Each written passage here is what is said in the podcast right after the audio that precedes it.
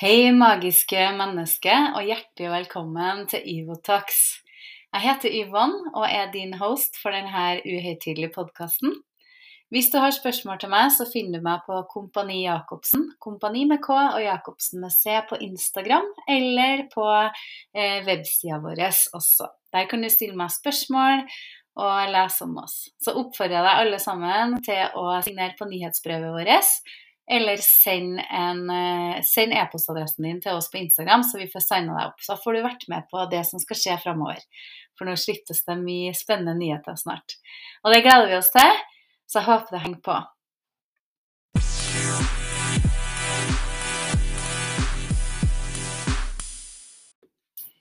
Velkommen altså til min podkast Talks. Jeg heter Yvonne, som jeg sa innledningsvis.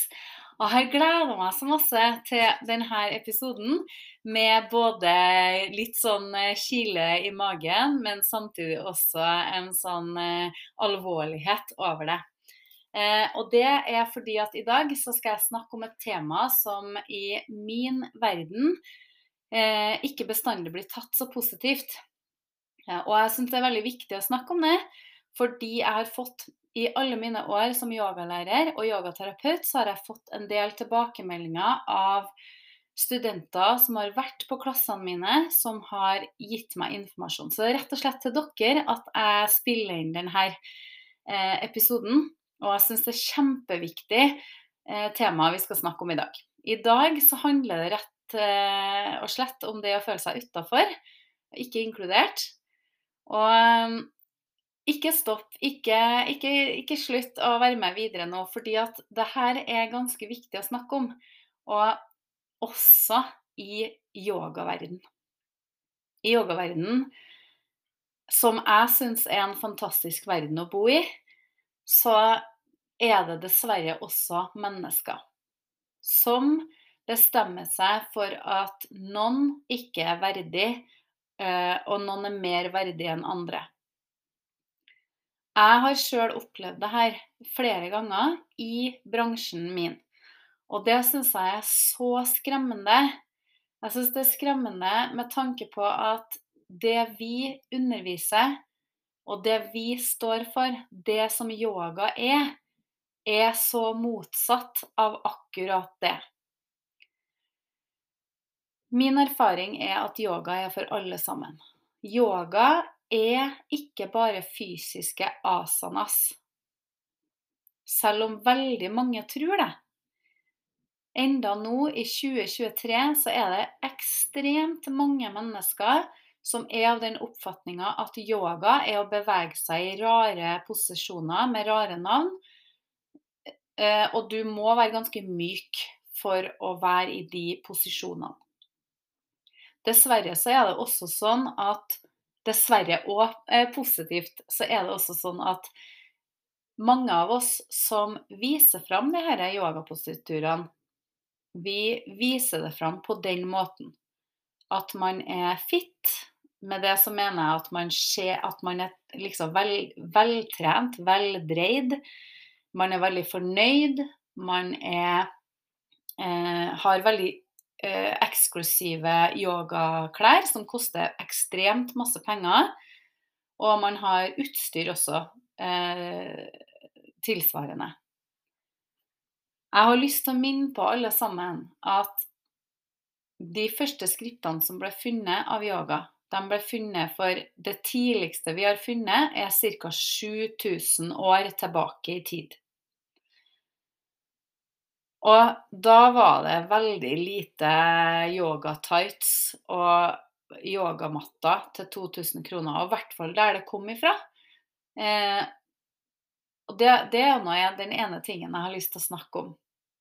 Jeg er veldig opptatt av at yoga er for alle mennesker. Det er sånn jeg har blitt lært opp. Og det er jo litt sånn at vi alle tror at vår yogalærer, den utdannelsen vi har tatt, det er den beste. Og jeg tror nok at vi alle sammen har en yogalærer for alle typer mennesker. Og det skal vi fortsette med. Og jeg skal ikke i dag rakke ned på noen yogalærere. For virkelig for en fantastisk jobb alle sammen gjør for å spre det glade yogabudskap ut til verden. Men jeg har lyst til å legge en liten pekefinger også oppå det, og et lite lokk, sånn at vi kan stoppe med det som er bare tull. Fordi det her er jo en podkast der jeg forteller om mine meninger, mine erfaringer. Og jeg har lyst til å fortelle en historie fra når jeg starta med yoga. Nå er det jo sånn at jeg, Den historien her tror jeg jeg har fortalt tidligere eh, i en tidligere sesong, men jeg skal eh, kort fortelle om det. Jeg har en sønn som er 21 år, og når jeg var gravid med han, så Jeg var jo veldig ung og veldig redd. Det, sannheten er jo at jeg har alltid vært veldig spirituell. Så jeg kjenner kroppen min veldig godt. Jeg vet når det skjer endringer med kroppen min, og eh, når ting ikke helt er sånn som det skal. Så veldig tidlig i svangerskapet så kjente jeg på en redsel fordi kroppen min var ugjenkjennbar.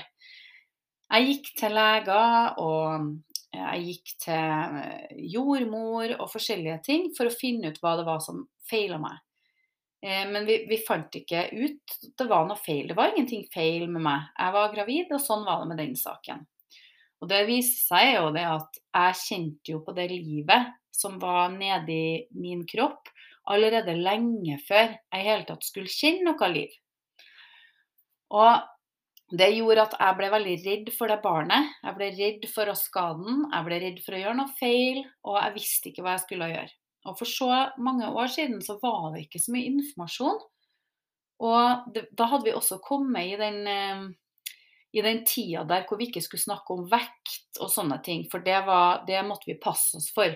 Så når jeg gikk til legen min og til jordmora mi, så var det aldri noen som sa at jeg var overvektig, fordi jeg la på meg sykt mange kilo når jeg var gravid. Og det er litt sånn Mange kan tenke sikkert at herregud, har ikke du sett deg i speilet? Du ser jo det hver dag, men man gjør ikke det. Fordi man vet ikke hva som er riktig. ikke sant? Når man er gravid og man ikke har vært det før, så vet man ikke. Og jeg trodde det skulle være sånn. Jeg hadde jo aldri vært gravid før, så jeg visste ikke det. Og øh, min daværende mann, han øh, visste jo heller ikke det. Og vi gjorde det beste vi kunne ut av det vi hadde, eh, og ut av den informasjonen vi visste om. Så han var jo veldig opptatt av at jeg skulle være rolig og ikke bevege meg så mye. For vi, vi hadde jo hørt det at hvis du gjorde brå endringer under svangerskapet, så kunne du miste barnet. Og det ville vi jo ikke. Vi hadde jo superlyst til å beholde det her barnet. Så det som skjedde, var jo at jeg la faktisk Nå ble jo han født ganske mye for tidlig. Men på litt under åtte måneder så la jeg på meg 48 kilo. Og ingen sa noen ting som helst. Ingenting. Men så bytta jeg lege. Jeg jo, vi bodde jo på landet, og på den bygda der jeg bodde, så var det jo fastleger. Men så var det noe med hun, fastlegen som jeg gikk til, hun slutta, tror jeg. Så fikk jeg en ny fastlege. Og det var en mann og han sa ikke heller at jeg var overvektig, men han sa at han var bekymra fordi hjerterytmen min var så høy. Og han var bekymra. Men han hadde ikke lyst til å gjøre noe mer med det. Så han ville bare at jeg skulle ta litt bedre vare på meg sjøl. Så han sendte meg hjem med eh, oppfordring om å bestille meg en video med yoga. Jeg hadde aldri hørt om yoga. Og tenkte liksom OK, what's that, liksom. Og så satt jeg og kikka, for da hadde vi jo ikke, vi hadde jo ikke internett og sånn der opplegg, vi. Så vi, vi satt hjemme og kikka i avisa, og så fant jeg et avisartikkel om et eh, yoga noe, Det sto i hvert fall noe med yoga, husker jeg. Yogaens Jeg husker ikke. Men det var i Oslo. Og de solgte eh, sånne Du vet sånn bok som du blar i, og så har du en CD. Og så når du skal bla om til neste side, så sier jeg pling, pling, pling, pling. Du kan nå bla om til neste side. De solgte sånne, da. Så det jeg gjorde, var å bestille meg en sånn en på oppfordring fra legen min. Og så begynte jeg da med det. Og det var yoga for gravide. Og så var det yoga etter svangerskapet. Og det her som var for gravide, det var jo mest pusteteknikker. Det var hvordan du skulle ligge, det var meditasjon, det var pusteteknikk. Eh, det var ikke så mye fysisk, det var noen sånne liggende øvelser som jeg i dag ville nok ha kalt yin. Men det var så fint da å få eh, komme meg inn i den verden. Og det her gjorde jeg hele tida. Jeg syns det var helt fantastisk. Og det det gjorde med meg, det mindsettet jeg fikk når jeg praktiserte denne meditasjonen og de her pusteteknikkene hjemme på gulvet, i, på, på gulvmatta mi med en håndduk under, hver eneste dag, det gjorde at jeg fikk ned hjerterytmen min, og det hjalp meg også. Det viser seg jo at jeg hadde svangerskapsforgiftning, så det var jo faktisk ganske alvorlig likevel. Og jeg visste jo at det var noe feil med meg, men det var ingen som sa noen ting. Så jeg fikk egentlig ikke vite før etter barnet var født at jeg hadde hatt svangerskapsforgiftning. Og i journalen min så står det Jeg har, jeg har jo fått ut journalen min nå, men der står det faktisk at de tok et bevisst valg om å ikke opplyse meg om at jeg hadde svangerskapsforgiftning, for de var da redd for eh, barnet sitt eh, velvære og mitt, og de trodde jeg kom til å havne i koma. da. Så heldigvis så tok jo de det rette valget også, og sa ingenting, fordi jeg var så redd. Men det her med yoga det hjalp meg så mye. da. Det hjalp meg så mye i svangerskapet. Og etter det her svangerskapet så praktiserte jeg yoga eh, etterpå. Og da ble jeg litt mer opptatt av det fysiske.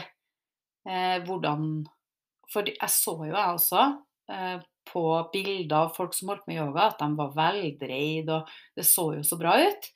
Og når jeg hadde gått opp så mange kilo, så tenkte jeg herlighet, dette her må jeg jo jeg gjøre noe med. Så jeg begynte med eh, mageøvelser for å liksom få det her Jeg hadde keisersnitt, så jeg måtte jo være forsiktig. Men det gikk i hvert fall uansett veldig bra. Ok, lang historie. Men uansett så ble jeg nysgjerrig på den fysiske biten. Og etter hvert så blir det jo litt sånn ok, nå har jeg gjort dette her hjem eh, veldig lenge, og nå har jeg litt lyst til å komme meg på et yogastudio. Så det gjorde jeg.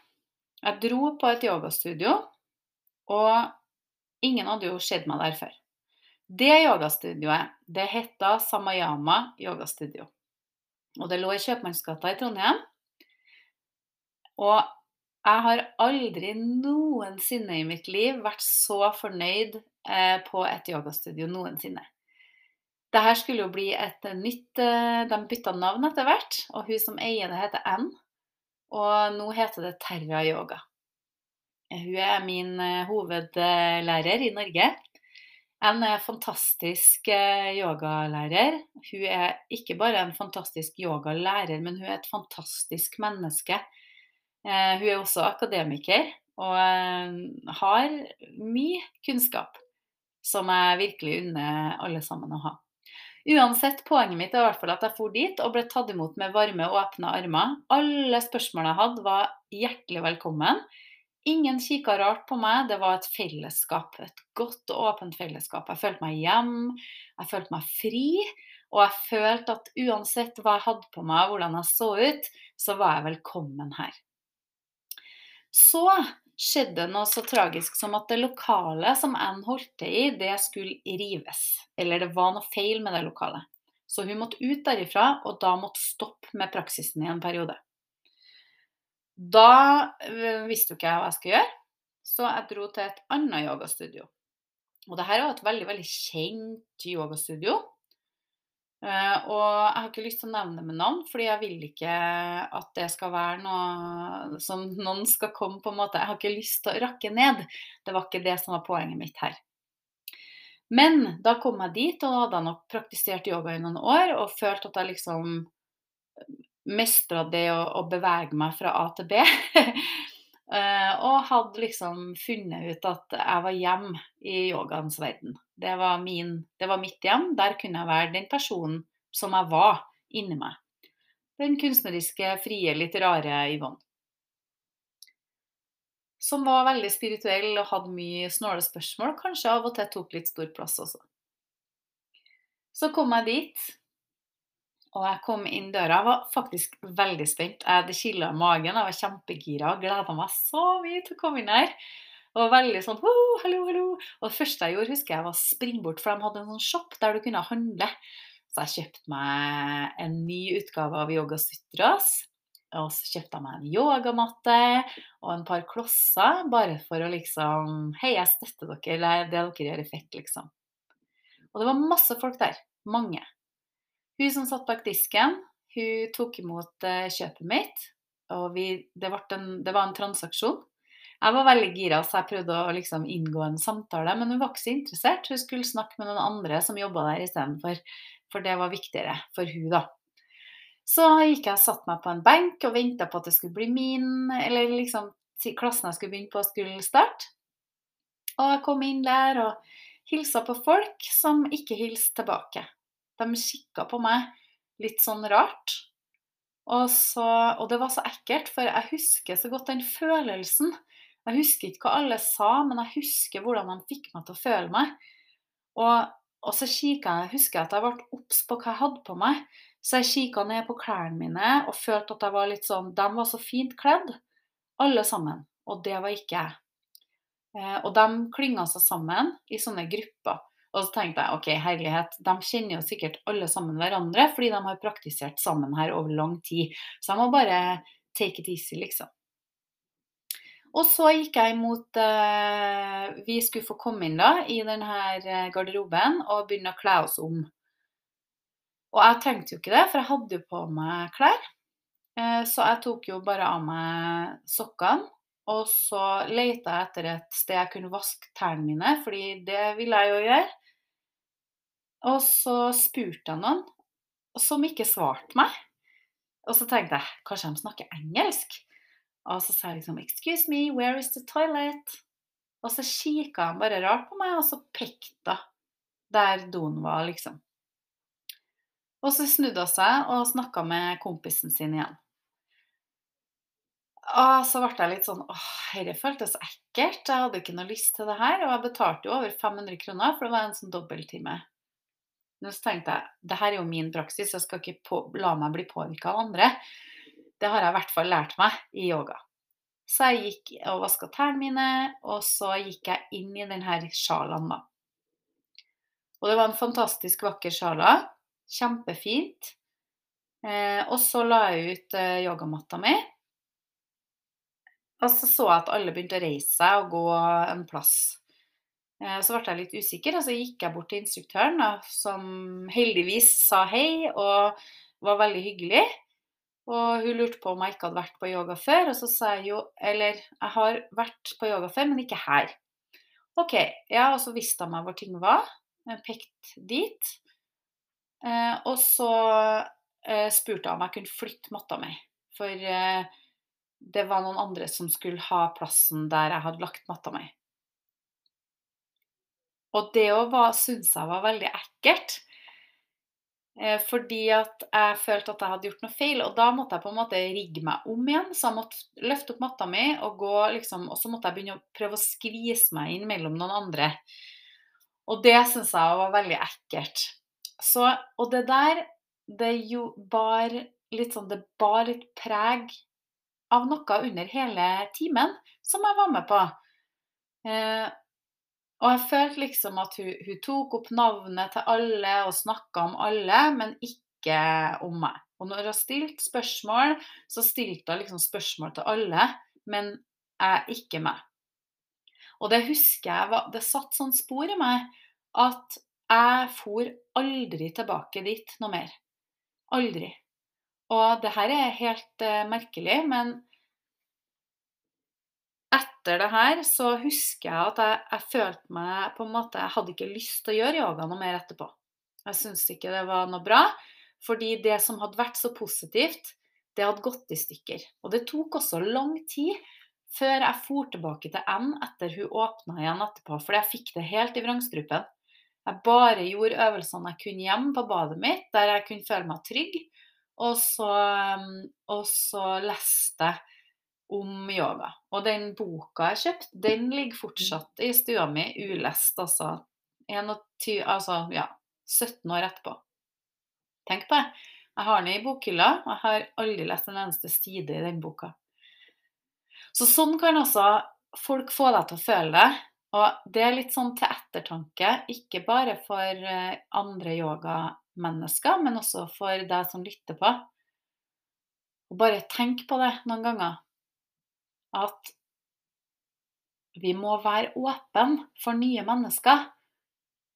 Vi må la andre mennesker få lov å komme til, og vi må la andre mennesker få lov å være en del av fellesskapet.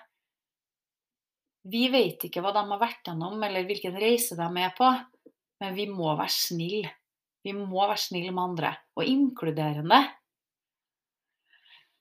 OK, lang historie. Ehm, jeg har flere sånne, mange sånne, men jeg skal ikke gå inn på hver enkelt. Jeg har også Det òg kan jeg si. Jeg har jo jobba i mange år som eh, yogainstruktør på treningssenter. Og det må jeg si, jeg elska å jobbe der, jeg. Jeg syns det var helt fantastisk. Hvorfor det? Fordi mennesker som kommer inn der, de er åpne, de er fri. De har kanskje aldri vært på yoga før. Du, kan, du som yogalærer kan lære opp eh, folk til å tenke, til å gi folk et nytt mindset, da, en, en åpenhet. Det jo, når det er sagt, så jobber jeg jo også på et yogastudio. Eh, heldigvis så var jeg så heldig at jeg fikk meg jobb på det yogastudioet til N etter hvert når jeg hadde tatt min lærerutdannelse. Fikk lov å jobbe der. Lært så masse. Hadde så fint. Men så, sant, så skjedde jo ting som skjer, alltid. Og så det ene førte med det andre med seg, og så slutta jeg der, da. Men det var absolutt ingenting de gjorde som gjorde at jeg slutta. Det var rett og slett eh, at jeg hadde altfor masse å gjøre. Så jeg, jeg, kunne ikke være der. Og når jeg da hadde mulighet til å komme tilbake igjen, så hadde jo en da altså lagt ned der. Så OK. Poenget mitt med denne re repimaden, er det det heter? Eh, det er jo det at vi må være snille med hverandre. Og jeg har hørt, dessverre, av mange av mine studenter som har gått til meg, og også som egentlig har vært på yoga til andre,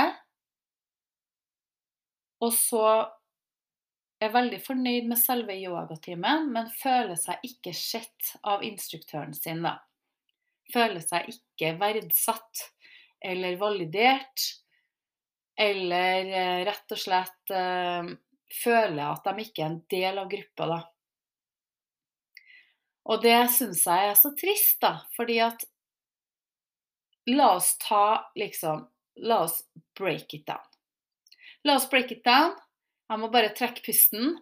Så ta deg en liten kopp kaffe i pausen, og så kommer vi tilbake. Så skal, vi, skal jeg break it down for deg.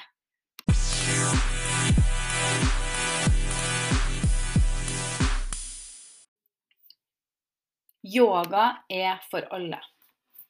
Så hva er egentlig yoga? Det er kjempemange som har prøvd å definere hva yoga egentlig er. Og det er jo ikke sikkert at jeg er noe bedre til det. Men sånn, og det, det, er jo litt sånn, Yoga er jo et sanskrit-ord. Og da er det litt sånn Det å oversette det til engelsk for så å oversette det til norsk, det blir ikke bestandig riktig.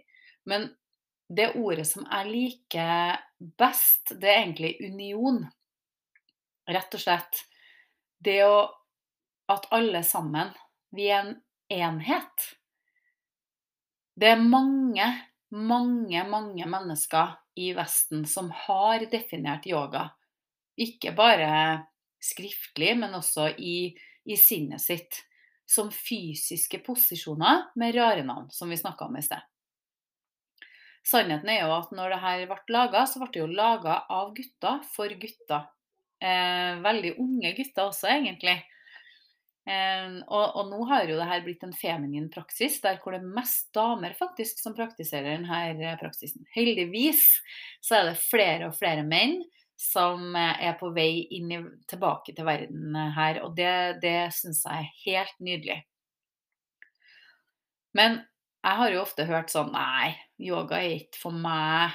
Det er litt sånn rart, for jeg er stiv og støl, og Nei, yoga er litt sånn Det er litt kjedelig. Mm, ja, nei. Det er ikke helt sånn. Sant? Sånn, sånn er det ofte. Men yoga er jo faktisk en uh, praksis som er en fantastisk disiplin. Det er veldig vakkert. Og disiplin er jo litt sånn ord som vi heller ikke er så veldig glad i. Mange er i hvert fall ikke glad i det ordet. Jeg var ikke det før.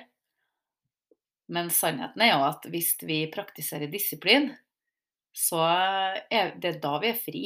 Ikke sant? Frihet. For det gir oss friheten til å være de menneskene som vi vil være.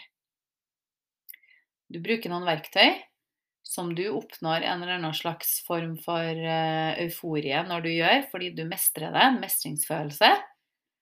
Det er en balanse her mellom kropp og sinn. Uh, så det her med yoga, det er litt sånn Jeg har litt lyst til å på en måte snakke om yoga og fortelle litt hva det handler om. Yoga består jo av åtte deler. Så dette med asana, som vi snakker mye om i Vesten, det er én viktig del, og det er nummer tre i en serie av åtte. Og det er litt sånn Jeg kan ramse opp hva de heter. Jeg tror vi har snakka litt om det. Jeg tror jeg var inne på Yamas på en episode her i denne eh, podkasten, og jeg skal gå gjennom dem. Men jeg har bare lyst sånn kort til å oppsummere hva er yamas. Yama, nei, hva er, er yoga? Og yoga består som sagt av åtte deler. Og det første er yamas. Og yamas er på en måte uh, relasjonen som du har til andre mennesker. Det her med at du skal ikke stjele, du skal ikke lyge, du skal ikke gjøre vold, du skal ikke overdrive det du holder på med. Eh, du skal ikke ta noen andres ting som, som ikke er ditt, eh, og ta kred for det. Sånne ting, da. Så har du niyamas, som er den, den andre. Og niyamas er jo relasjonen du har til deg sjøl, og består også av fem deler. Som f.eks. at du skal være ren, ren i sinnet, ren i kroppen, ryddig. Um, uh, det å være tilfreds, men ikke, ikke overdrevet tilfreds. Uh, det å studere deg sjøl, hvordan du reagerer og hvorfor du gjør de tingene du gjør. Um, ja, litt, litt forskjellige sånne ting, da. Og så har du asana, som er den tredje. Og asana er jo den fysiske, den fysiske praksisen, de øvelsene som vi her i Vesten mener er yoga. Som da altså bare er en del av det. Asana betyr jo egentlig sete, eller hva skal jeg si Sitte, eller sete. Ja, i hatha-yoga i hvert fall så har det blitt oversatt til posisjonen du skal holde. Og det er nok derfor vi tenker på det som eh, fysisk eh, praksis. da. Så det er rett og slett eh, praksisen som du skal gjøre for at du, kroppen din skal være frisk nok, så du kan sitte i mange timer i meditasjon. Så har du eh, den fjerde, som er pranayama. Og pranayama er jo Herregud, det kunne jeg snakka om i dagevis. Det skal jeg ikke gjøre nå.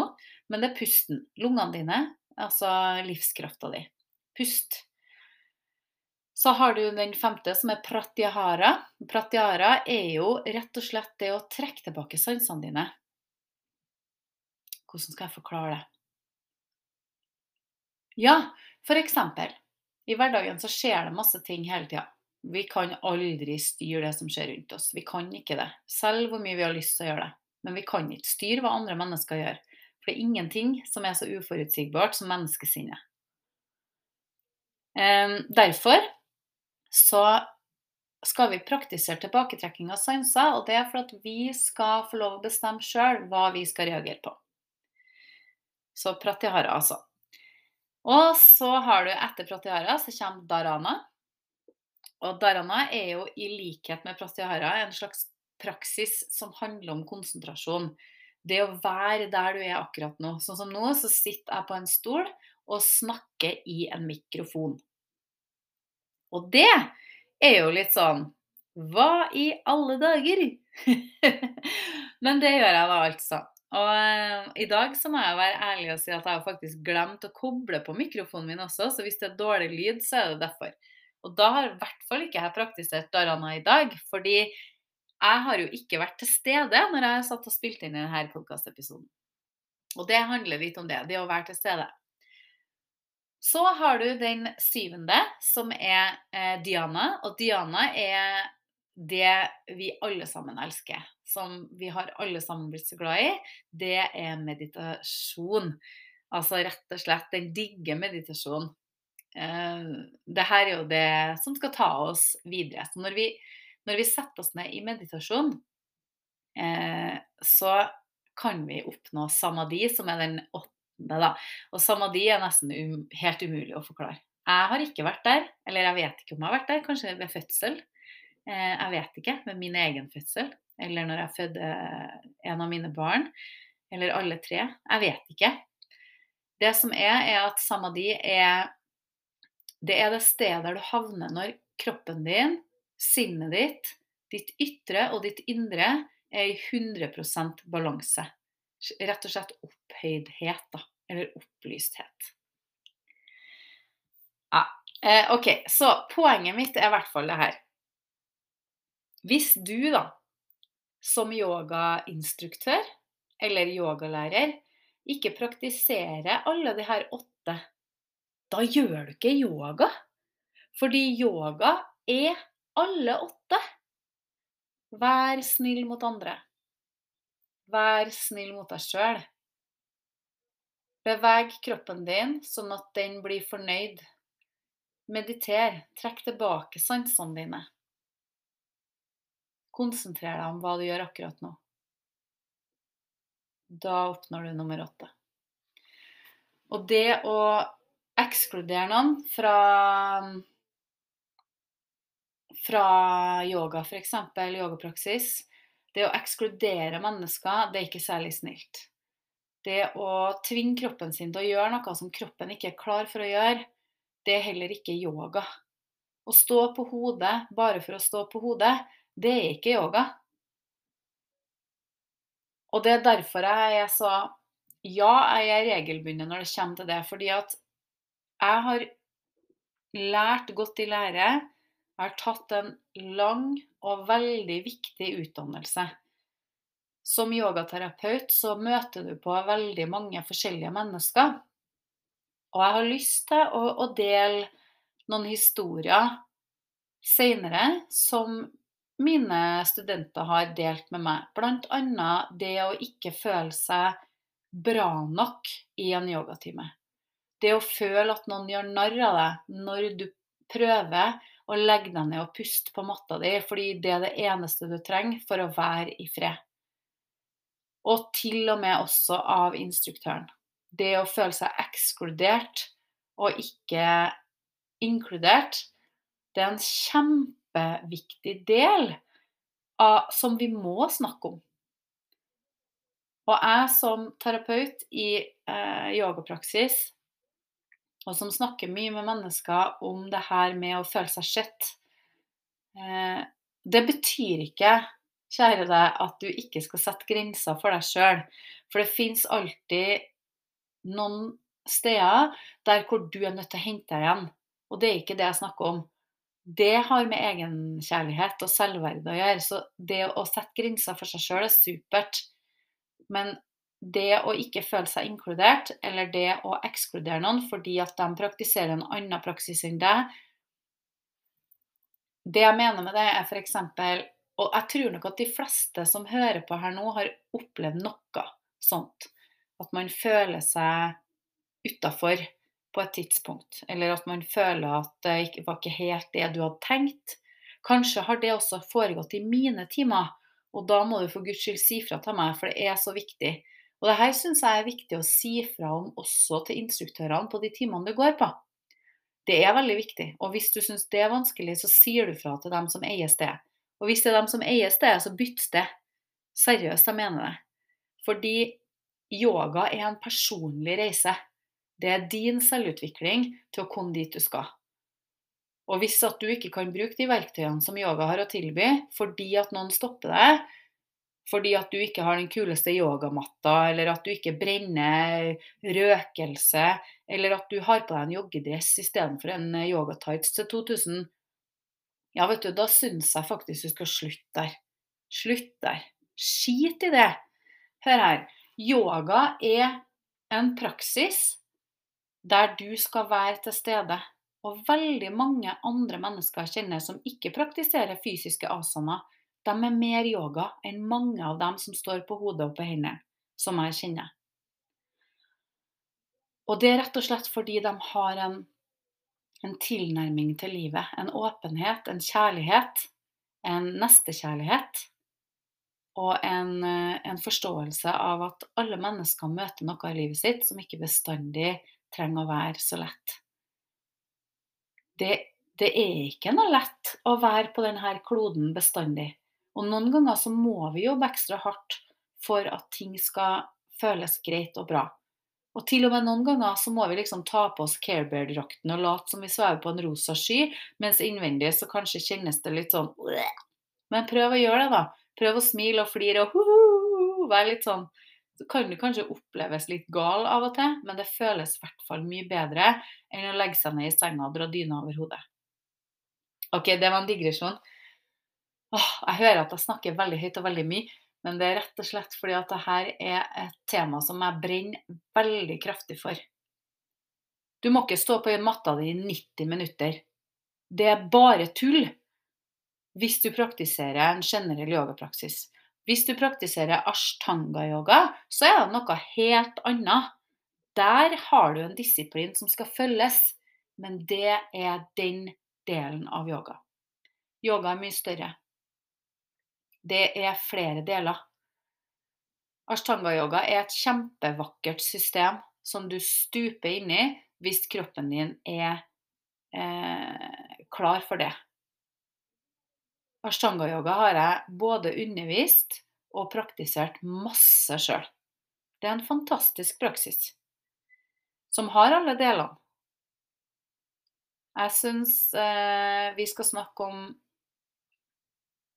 jeg syns vi skal snakke om den delen av praksisen som ikke trenger å ta så lang tid. For når du er nybegynner i yoga, så må du ikke forplikte deg til 75 og 90 minutter og 60 minutter. Det holder at du starter med å sette deg ned, bare. Det holder at du får en veiledning. Alt du trenger å gjøre, kan vare fra 5 minutter til 30 minutter.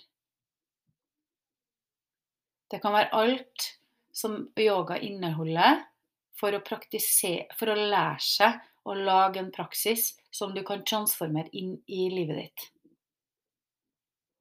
Ta kontakt med meg, så skal jeg hjelpe deg å sette opp planen din. Altså, det her er ikke salg, jeg mener helt seriøst. Fordi det her, det er noe alle sammen trenger. Vi trenger å, å få vite at yoga er lett tilgjengelig. Det er ikke en sånn skjult hemmelighet som du er nødt til å dedikere hele deg til. Du, du, må liksom, du kan ikke ha barn fordi at barna dine må hit og dit. Ok, da kan du ikke gå på yoga, fordi det tar så lang tid. Eh, nei, ok, eh, du kan ikke gjøre yoga du fordi at eh, du har en skade på høyre kne. Fordi da kan ikke du gjøre den der øvelsen, og da kommer du ikke videre. Det er ikke sånn det er. Jeg har lyst til å si det hvis noen mennesker noen gang har fått deg til å føle at du ikke klarer å være der, så må du nødt til å komme deg vekk fra dem.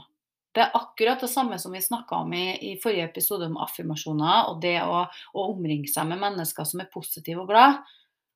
Gå bort fra det som ikke gjør deg godt. Jeg vet det er vanskelig, men gjør det.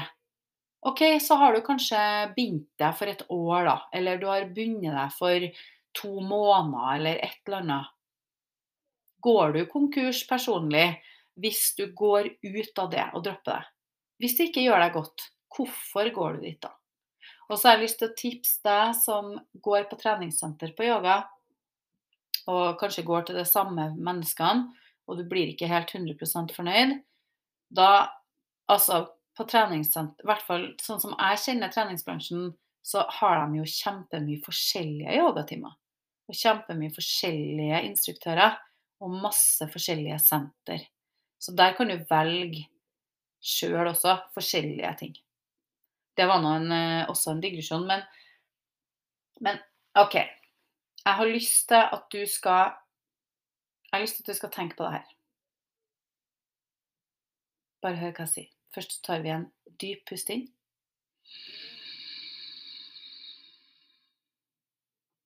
Hold pusten litt på toppen. Hold. Hold. Hold. Nå begynner det å bli litt ekkelt, men fortsett å holde. Og pust ut. Lukk øynene dine. Her er En pessimist ser hinder i hver mulighet. En optimist ser muligheter i hvert hinder. Det var det Winston Churchill som sa. Så en pessimist ser et hinder i hver eneste mulighet. Så hvis du kommer med en løsning, så finner de en eh, Nei, men det, kan, det her kan skje. En optimist, de ser muligheter. Så hvis jeg sier 'nei, det der eh, det tror ikke jeg går', så finn dem en løsning. Hvem har du lyst til å være? Hvem har du lyst til å være? Alt går sammen. Alt går i ett. Vi må ikke dømme Vi må ikke dømme dem rundt oss. Vi må ikke se på folk og tenke hvorfor er du her?' Fordi du her har akkurat like mye rett til å være her som du er der, eller jeg er der. Og vi er på forskjellige steder i verden. Vi er på forskjellige reiser. Det er ikke sikkert vi skal på samme plass. Det er ikke sikkert vi skal gå den samme veien. Og selv om liksom jeg ikke går på samme vei som deg, så er det ikke sikkert at jeg har gått meg bort. Jeg går på min egen vei. Og den trives jeg med akkurat nå. Det betyr ikke at jeg ikke snur eller tar en annen vei, men akkurat nå så går jeg her. Og det har jeg min fulle rett til å gjøre. Og det har du også. Du har rett til å gå der. Ikke la en eneste person, spesielt yogamennesker, få lov å fortelle deg at de er mer yogamennesker enn deg. Ikke la et annet menneske få lov å bestemme at du er en del av en uh, annen gruppe enn det dem er. For det er bare bullshit. Vi er alle sammen mennesker. Vi er rasen mennesker, og vi er født alle sammen på denne jordkloden. Det er sånn det er. Vi snakker samme språket, og vi deler de samme eh, utfordringene, alle sammen. Noen er større, noen er mindre. Litt sånn streng på slutten her, da, fra Yvonne. Men det er så viktig. Jeg, jeg, vil at du som menneske skal vite at du er fri. Altså, Du kan komme på yoga til meg i trusa hvis du vil. Jeg skiter noe søren oppi det. Det viktigste for meg er at du gjør det som er viktig for deg. Det som er, eh, gjør at du føler at du kan være deg sjøl. Vi er bare nå. Vi er nå. Ikke sant? Tenk litt på det. Slutt å høre på dem som er bedrevitere. Hvis det finnes mennesker i grupperinger rundt deg som bestemmer at deres måte å gjøre ting på er bedre enn din måte, så er det fordi at de har kommet kortere i sin utviklingsprosess enn deg. Tenk litt på det. Ah, jeg har lyst til å avslutte med en kort og deilig meditasjon. Ja, rett og slett, sånn at du kan få lov å avslutte med en deilig, fin avslutning. Så gjerne sett deg godt til rette og senk skuldrene dine bort fra ørene. Lukk øynene dine hvis det føles riktig for deg. Ta en dyp pust inn.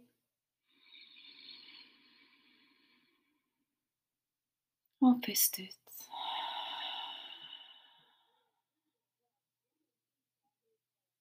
Ta med fokuset ditt til leppene dine. Og hver ende av leppene dine. Så drar du dem litt opp. Litt opp uten at du smiler anstrengt. Litt opp. Ta med fokuset ditt videre opp til øynene dine. Slapp av i øynene dine. Ta med fokuset til hvert hjørne av øyet ditt. Og ta og løft det litt opp, litt opp. Så du smiler helt uanstrengt. Ta med fokuset ditt ned til hjertet ditt, det store, fine, nydelige hjertet ditt. Som banker bare for deg.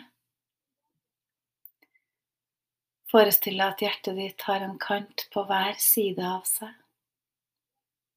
Løft det litt opp, så hjertet ditt smiler.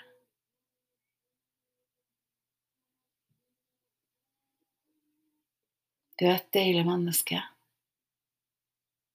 Du eksisterer. Du er energi. Hjertet ditt banker. Lungene dine puster. Og sinnet ditt, det fungerer. Du bestemmer over sinnet ditt. Sinnet ditt bestemmer ikke over deg.